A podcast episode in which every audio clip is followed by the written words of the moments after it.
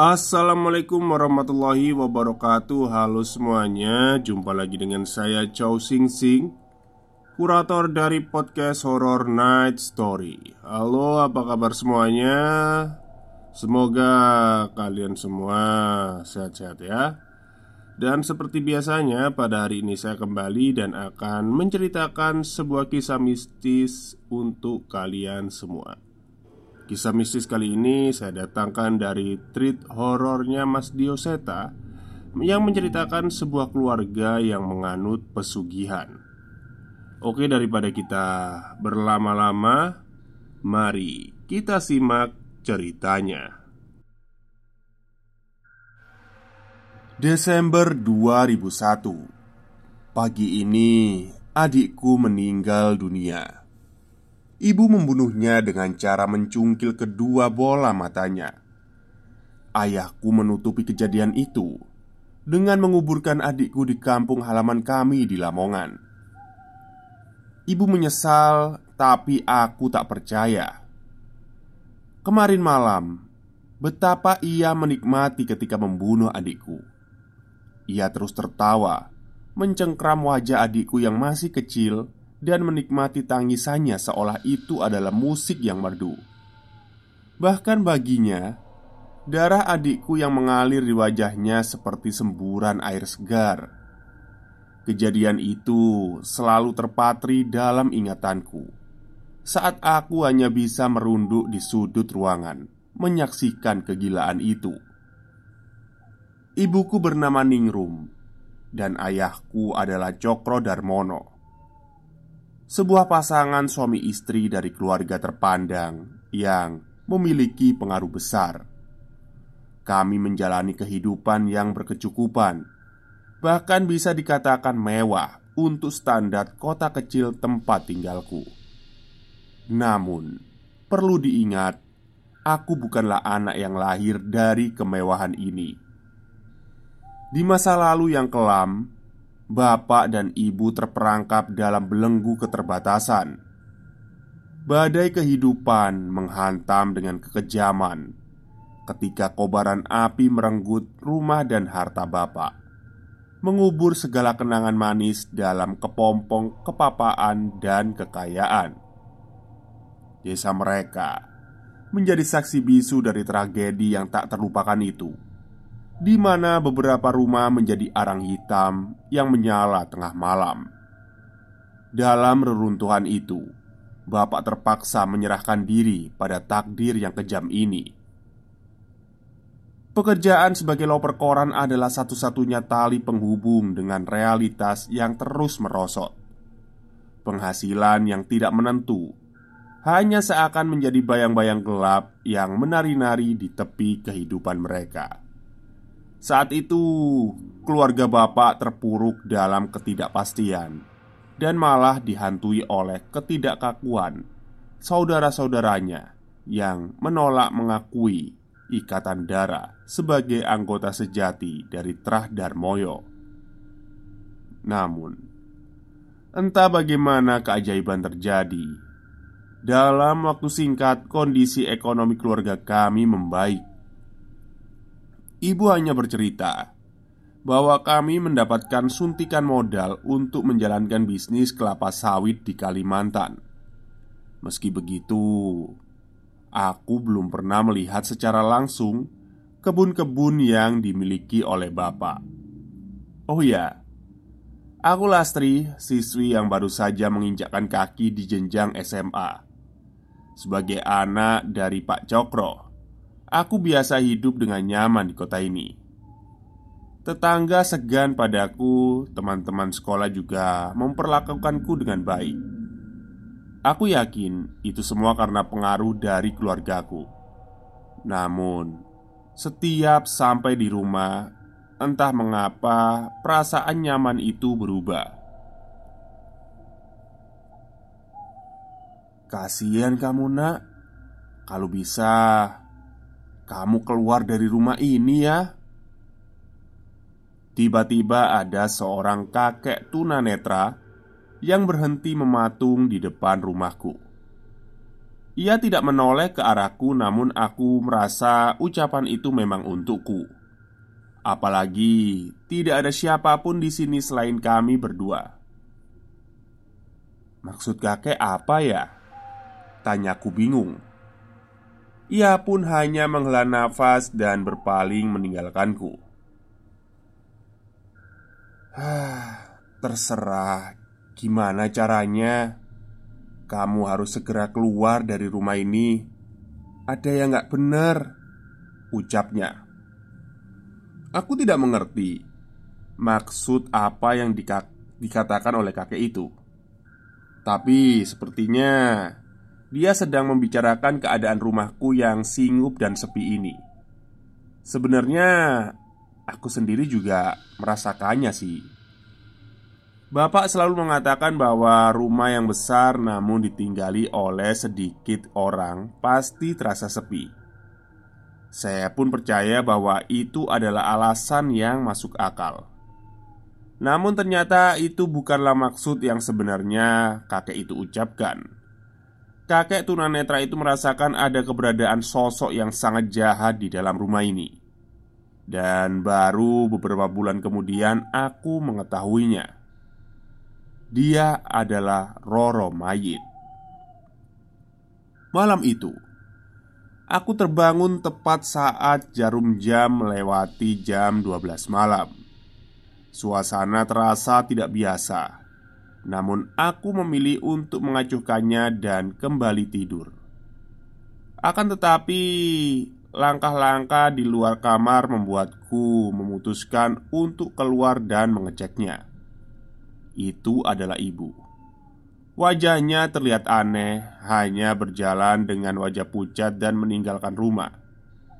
Aku segera ingin memanggilnya, tetapi aku mengurungkan niatku karena rasa bingung, dan saat itulah suara dari kamar bapak dan ibu terdengar. Ada suara perempuan.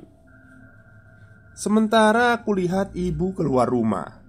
Kalau begitu, siapa sosok yang menyerupai ibu berada dalam kamar saat ini? Pertanyaan itu menggantung di udara, meninggalkan kebingungan di balik perasaanku.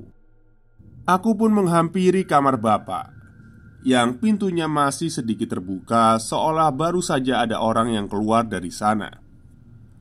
Ada helaian rambut putih di lantai depan pintu kamar bapak.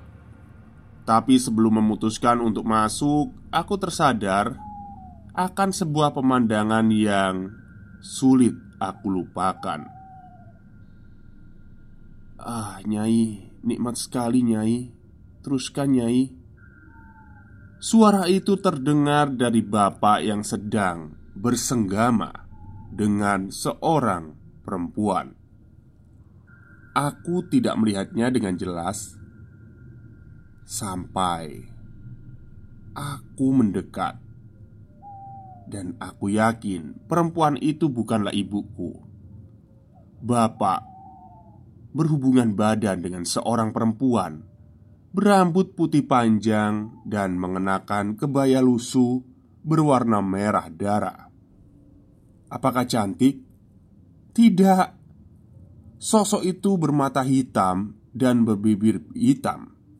Kulitnya pun penuh dengan keriput dan borok seolah umurnya sudah sangat tua. Bahkan aku hampir muntah saat melihatnya.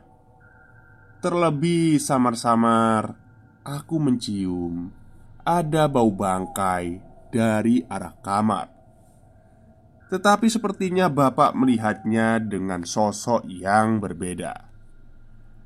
Saat itulah aku terlalu takut dan tidak berani berbuat apa-apa. Perbuatan menjijikan itu terjadi di depan mataku, dan aku selalu berharap itu adalah mimpi buruk. Tak tahan dengan apa yang terjadi, aku pun memilih untuk kembali ke kamar dan berusaha untuk melupakan semua hal yang kulihat tadi. Namun, sepertinya itu sulit.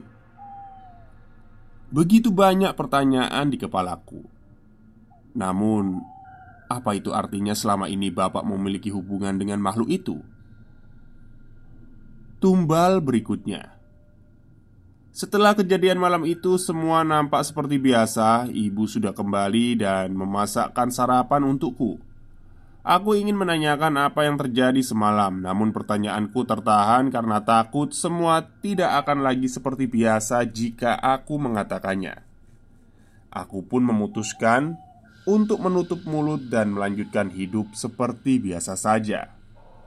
Sayangnya, keputusanku ini salah. Juli 2005 Beberapa tahun setelah aku menyaksikan kejadian menjijikkan itu, aku kembali terbangun dengan perasaan aneh yang sama. Kali ini aku memutuskan untuk tetap berada di kamar dan berusaha untuk kembali tidur. Tapi ada sesuatu yang membuatku tidak nyaman. Ada suara mengganggu dari jendela kamarku. Suara itu seperti seseorang yang memainkan kukunya di kaca jendela. Aku berusaha untuk membiarkan, namun suara itu semakin keras, dan tiba-tiba jendela terbuka dengan sendirinya. Angin masuk ke dalam, menerbangkan lembaran kertas di atas mejaku. Secara refleks, aku terbangun dan segera menutup jendela yang terbuka itu. Namun, wajahku berubah pucat saat aku melihat apa yang ada di luar jendela. Di sana, sosok perempuan muncul. Rambutnya putih panjang, matanya hitam, dan mulutnya juga hitam. Kulitnya penuh dengan borok. Ia melayang-layang di udara sambil tertawa menatapku. Jantungku berdegup kencang. Ketakutan melanda, dan aku segera memutuskan untuk berlari keluar kamar. Sayangnya, bahkan untuk berdiri saja kakiku begitu lemas. Dengan susah payah, aku berusaha mencapai pintu. Namun, entah mengapa pintu kamarku tidak bisa terbuka meskipun aku menggunakan seluruh tenagaku. Dalam kepanikan, aku ingin berteriak minta tolong, tapi suaraku terasa tertahan. Hanya bisikan-bisikan kecil yang keluar dari mulutku. Saat itu, aku tak mampu lagi mempertahankan kesadaran diriku, dan dunia di sekitarku mulai memudar. Lastri, kenapa kamu tidur di lantai? Kamu gak sekolah? Pagi itu ibu membangunkanku yang tak kunjung keluar dari kamar Aku mencoba mengingat kejadian semalam yang membuatku terbaring di lantai Mengetahui wajahku yang pucat dan keadaanku yang tidak baik Ibu pun segera memaklumi dan tidak mengizinkanku untuk bersekolah. Namun saat itu aku akhirnya memutuskan untuk menceritakan apa yang sedang terjadi semalam. Di meja makan itu, raut wajah bapak dan ibu berubah. Mereka saling bertatapan seolah menutupi sesuatu. Tapi apa yang keluar dari mulutnya ternyata berbeda dengan perubahan ekspresi mereka sebelumnya. Ah, kamu mungkin kecapean, Lastri. Istirahat ya beberapa hari, baru masuk sekolah. Ucap ibu. Iya, nanti kalau ada waktu kita refreshing aja ya, jalan-jalan. Tambah bapak. Aku akhirnya sedikit ngotot meyakinkan bahwa kejadian semalam itu nyata. Namun mereka tetap saja menyangkal dan berusaha untuk menenangkanku. Aku sempat ingin menceritakan tentang apa yang kulihat di kamar bapak, tapi aku takut ucapanku akan merusak hubungan bapak dan ibu. Saat itu, aku pun hanya bisa pasrah dan berusaha untuk tidak memikirkan kejadian semalam. Tapi perasaanku tetap tidak tenang. Sayangnya, malam itu hanyalah permulaan, dan aku menyadari setelah beberapa kejadian aneh menimpaku. Saat itu, aku sedang ada kelas olahraga di sekolah. Aku dan teman-teman sekolah melakukan ujian atletik pergantian dan menyelesaikannya dengan cepat. Tapi setelahnya aku merasakan ada yang aneh dengan tubuhku Aku mual-mual semual-mualnya Temanku Ratih menemaniku ke kamar mandi untuk membantuku. Aku pun muntah di kamar mandi. Namun, yang keluar dari mulutku adalah gumpalan rambut putih yang terendam cairan merah darah. Aku pun panik dan semakin pucat. Benda itu tidak hanya satu kali keluar, namun aku terus memuntahkan rambut itu hingga aku sampai rumah dan sampai maghrib tiba. Saat itu kedua orang tuaku cemas. Mereka pun mencoba membawaku ke klinik, namun tidak menemukan keanehan apa pun pada tubuhku. Tapi wajah sang dokter saat itu seolah mengetahui sesuatu. Ia menatap kedua orang tuaku dengan raut wajah kesal. Keadaan tubuhku semakin lama semakin melemah Aku kesulitan untuk makan dan gumpalan rambut itu terus masih keluar dari tubuhku. Kupikir hal itu sudah cukup mengerikan, namun nyatanya sebuah kejadian membuatku merasa ingin menyerah. Suatu malam, bapak pulang terlambat karena sebuah urusan mendadak. Aku pun menghabiskan waktuku dengan menonton televisi sampai jam tidurku tiba. Sedari dan dari tadi selama menonton televisi, aku merasakan ada perasaan aneh yang sulit kujelaskan. Barulah saat aku menoleh ke belakang ke arah ruang dapur, aku sadar. Aku melihat ibu. Ibu hanya menatapku terdiam di satu tempat tanpa bergerak sedikit pun. Dia tersenyum, namun aku tahu dengan jelas bahwa senyum itu bukanlah senyum biasa ibu itu adalah senyum yang kulihat dan ibu akhirnya membunuh adikku dulu Bu, ibu Aku mencoba memastikan keadaan ibu namun ia tidak bergerak sama sekali. Aku ingin menghampirinya namun rasa takutku menyelimuti. Sebaliknya ibu malah tertawa dengan suara tawa yang aneh. Dengan perlahan, ibu mengambil sebuah pisau dan mendekatkannya kepadaku. "Kamu cantik ya, Nduk, tapi lebih cantik lagi kalau matamu kucongkel. Boleh ku minta kan?" Mendengar ucapan itu, sontak aku pun memaksa diriku yang lemah ini untuk menjauh dari ibu. Aku ingin berlari ke kamar, namun aku teringat bagaimana di kamar itu juga adikku mati di tangan ibu. Saat itu, aku memilih untuk berlari keluar rumah. Tapi tak kusangka di depan rumah sudah ada sekumpulan orang. Mereka memberi isyarat kepadaku untuk segera keluar, dan aku pun menurutinya. Di antara mereka ada beberapa orang yang ku kenal. Yang pertama adalah kakek tunanetra yang kulihat beberapa waktu yang lalu dan ada beberapa Pak D dan budeku yang ada di juga di sana. Astri, kamu nggak apa-apa, dok? Bude dia segera merangkulku yang benar-benar terlihat pucat. Bude, ibu kok kayak gitu? Ucapku yang kali ini tak mampu menahan air mata. Rupanya dari tadi sudah ada beberapa orang yang mencoba untuk masuk, namun mereka semua gagal. Ada sesuatu yang tidak logis yang membuat rumahku tidak bisa dimasuki oleh siapa pun. Nyai Roro Mayit masih di sana. Kamu masih diincar. Terdengar suara kakek tunanetra yang memperingatkanku. Yai nyoro mayit Tanyaku bingung. Sudah Lastri Sekarang kamu ikut Bude dulu ya. Biar Bude yang menjelaskan semuanya. Ucap Bude dia.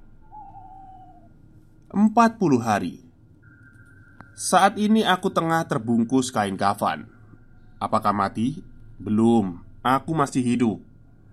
Namun ini adalah ritual agar sosok Nyai Roro Mayit tidak menemukan keberadaanku.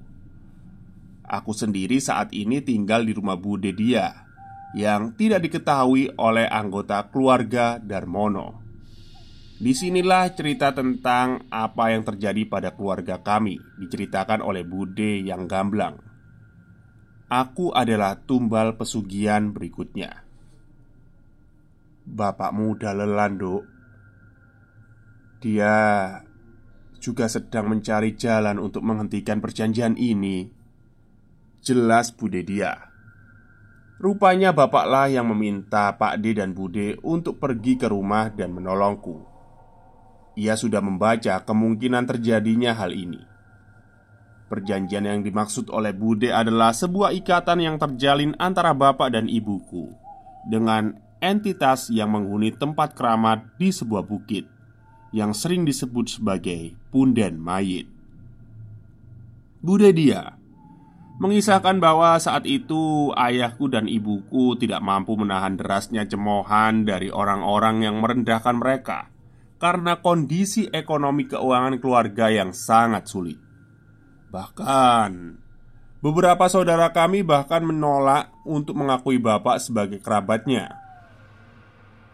Mereka hidup menderita dan pada saat itulah keputusan berat ini diambil.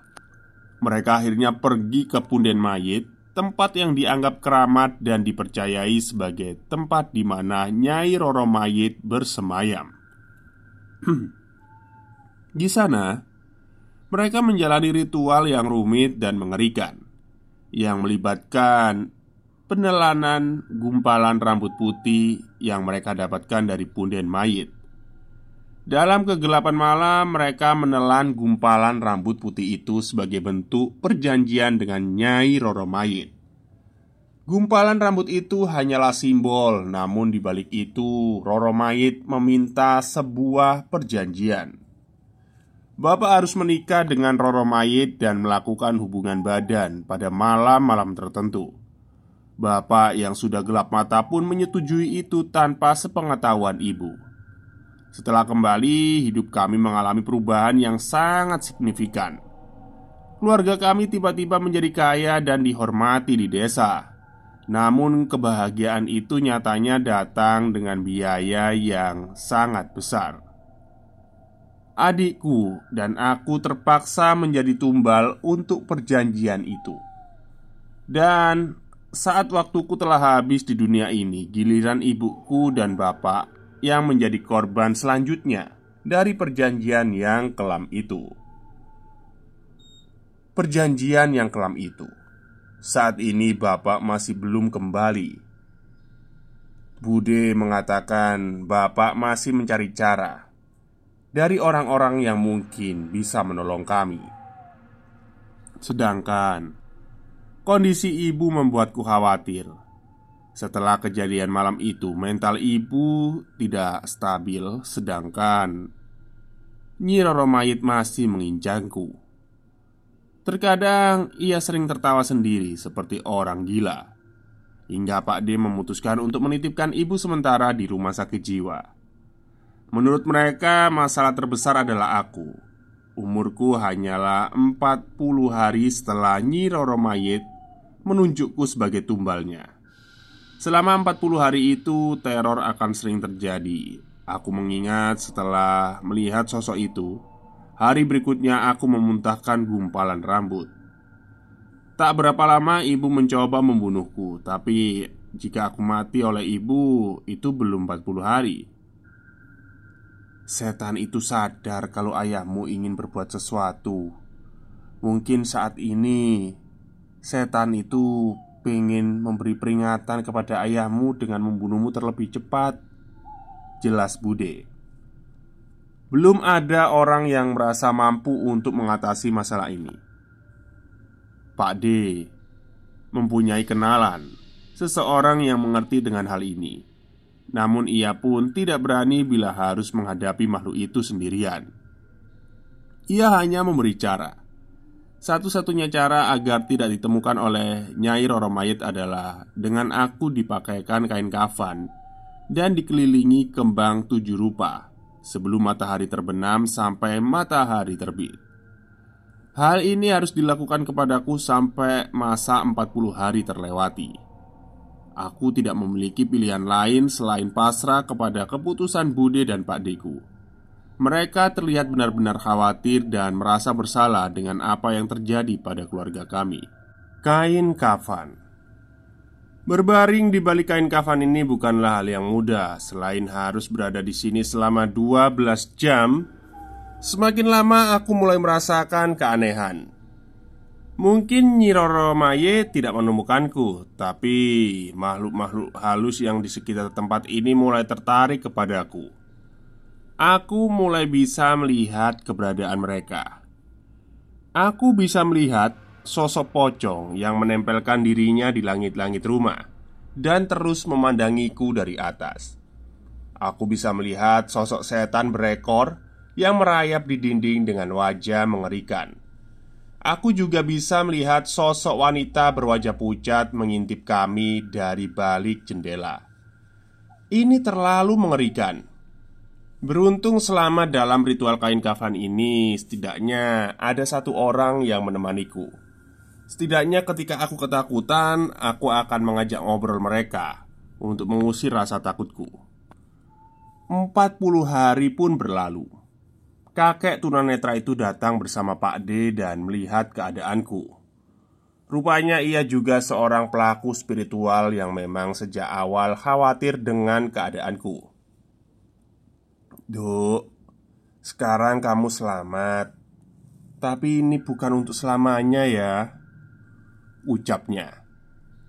Bu Dedia pun melepaskan kain kafan. Sementara aku mempertanyakan tentang ucapan kakek itu. Maksudnya gimana mbah? Cokro Ayahmu sudah menemukan seseorang yang bisa menghalau Nyai Roro Mayit dari dirimu tapi itu sifatnya cuma sementara. Ketika orang itu wafat atau melemah, setan itu akan mencari celah dan membalas yang lebih kejam lagi. Jelas kakek itu. Mendengar ucapan itu pun aku menelan ludah takut membayangkan seandainya hal itu terjadi. Lantas, saya harus gimana, Mbah? Tanyaku lagi. Hah, Mbak juga nggak tahu. Tapi jika kamu ditakdirkan untuk selamat Yakinlah bahwa kamu akan selamat. Hanya Tuhan yang bisa mengatur hidup dan matinya seseorang Ucapnya. Aku setuju dengan pertanyaan itu. Saat ini yang bisa aku lakukan hanyalah berserah diri kepada Yang Maha Pencipta sembari mencari cara untuk memperbaiki keadaan ini. Awalnya Aku mengira pernyataan itu merupakan pukulan terberat dari semua masalah ini. Namun, setelahnya aku baru mengetahui sebuah kenyataan yang membuatku hampir tidak mampu mempertahankan kesadaranku. Kabar itu seolah menjadi pukulan terberat dalam hidupku, namun tak disangka kebenaran yang baru saja terungkap membuatku hampir kehilangan pegangan pada kenyataan. Ibu nampaknya akan terperangkap dalam lorong-lorong rumah sakit jiwa untuk waktu yang lama. Sementara ayah, kehadirannya tak mungkin lagi menyatu bersama kami. Saat berita itu mencapai telingaku, air mataku mulai menetes tanpa henti. Pak D memberikan kabar pahit bahwa jasad ayah ditemukan di sebuah hotel tua di wilayah Lamongan. Tubuhnya dipenuhi dengan borok dan rambut putih berserakan di sekitarnya. Terungkap bahwa ayah berhasil menemukan seseorang yang dapat melindungiku dari ancaman Nyai Roro Mayit. Namun sayangnya orang itu tidak dapat melindungi ayah. Dalam perjalanannya yang kelam, ayah hanya bisa merelakan dirinya untuk menjadi pelampiasan bagi setan itu. Ia pun harus menutup matanya sebagai ganjaran atas dosa yang dilakukan bersama ibu. Ketika memahami kenyataan itu, Kesedihan dan kehilangan merajalela dalam tubuhku. Hidupku seakan runtuh, meninggalkan luka-luka yang tak terobati. Ayah, yang seharusnya menjadi pelindung, harus pergi meninggalkanku sebagai konsekuensi dari pesugihan yang dulu kami lakukan. Tamat. Baik, itulah cerita panjang dari Mas Dioseta mengenai pesugihan rambut Nyai Roro Mayit dari Punden Demit Mayit ya. Punden mayit ya. Memang pesugihan itu yang pernah saya ungkapkan ya. Banyak sekali metodenya. Ada yang pakai kancut Ada yang pakai rambut Atau yang ya seperti ini ya.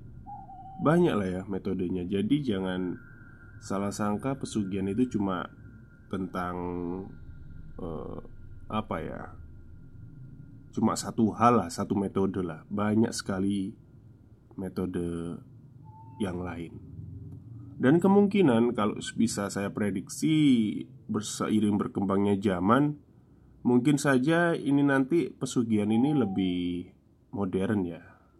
Nggak tahu nanti gimana Apakah pesugihan lewat HP atau gimana saya nggak tahu Oke mungkin itu saja cerita untuk hari ini. Semoga kalian suka.